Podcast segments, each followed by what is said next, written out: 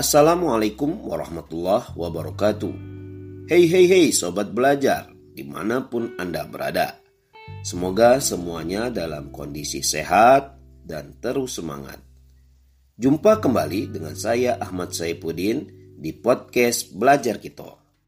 Pada episode cerita kelas kali ini akan disampaikan kisah seorang tokoh pendidikan, yakni Ibnu Hajar si anak batu.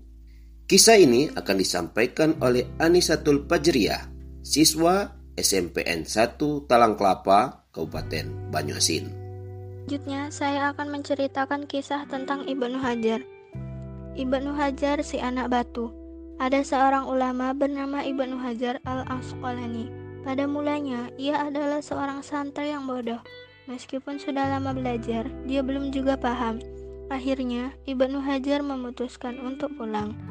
Dia pun mohon diri kepada kiainya supaya diperbolehkan pulang. Dengan berat hati, sang kiai membolehkan Ibnu Hajar pulang, tetapi sambil berpesan agar Ibnu Hajar tidak berhenti belajar. Akhirnya, Ibnu Hajar pulang ke rumah. Di tengah perjalanan, hujan turun dengan lebat. Dia terpaksa berteduh dalam sebuah gua. Pada saat di gua, dia mendengar suara gemericik air. Lalu dia mendatangi sumber suara tersebut. Ternyata itu suara gemericik air yang menetes pada sebongkah batu yang sangat besar. Batu besar itu berlubang karena telah bertahun-tahun terkena tetesan air. Melihat batu yang berlubang tersebut, akhirnya Ibnu Hajar merenung. Dia berpikir, batu yang besar dan keras ini lama-lama berlubang hanya karena tetesan air. Kenapa aku kalah dengan batu? Padahal akal dan pikiranku tidak sekeras batu. Itu artinya aku kurang lama dan tekun belajar.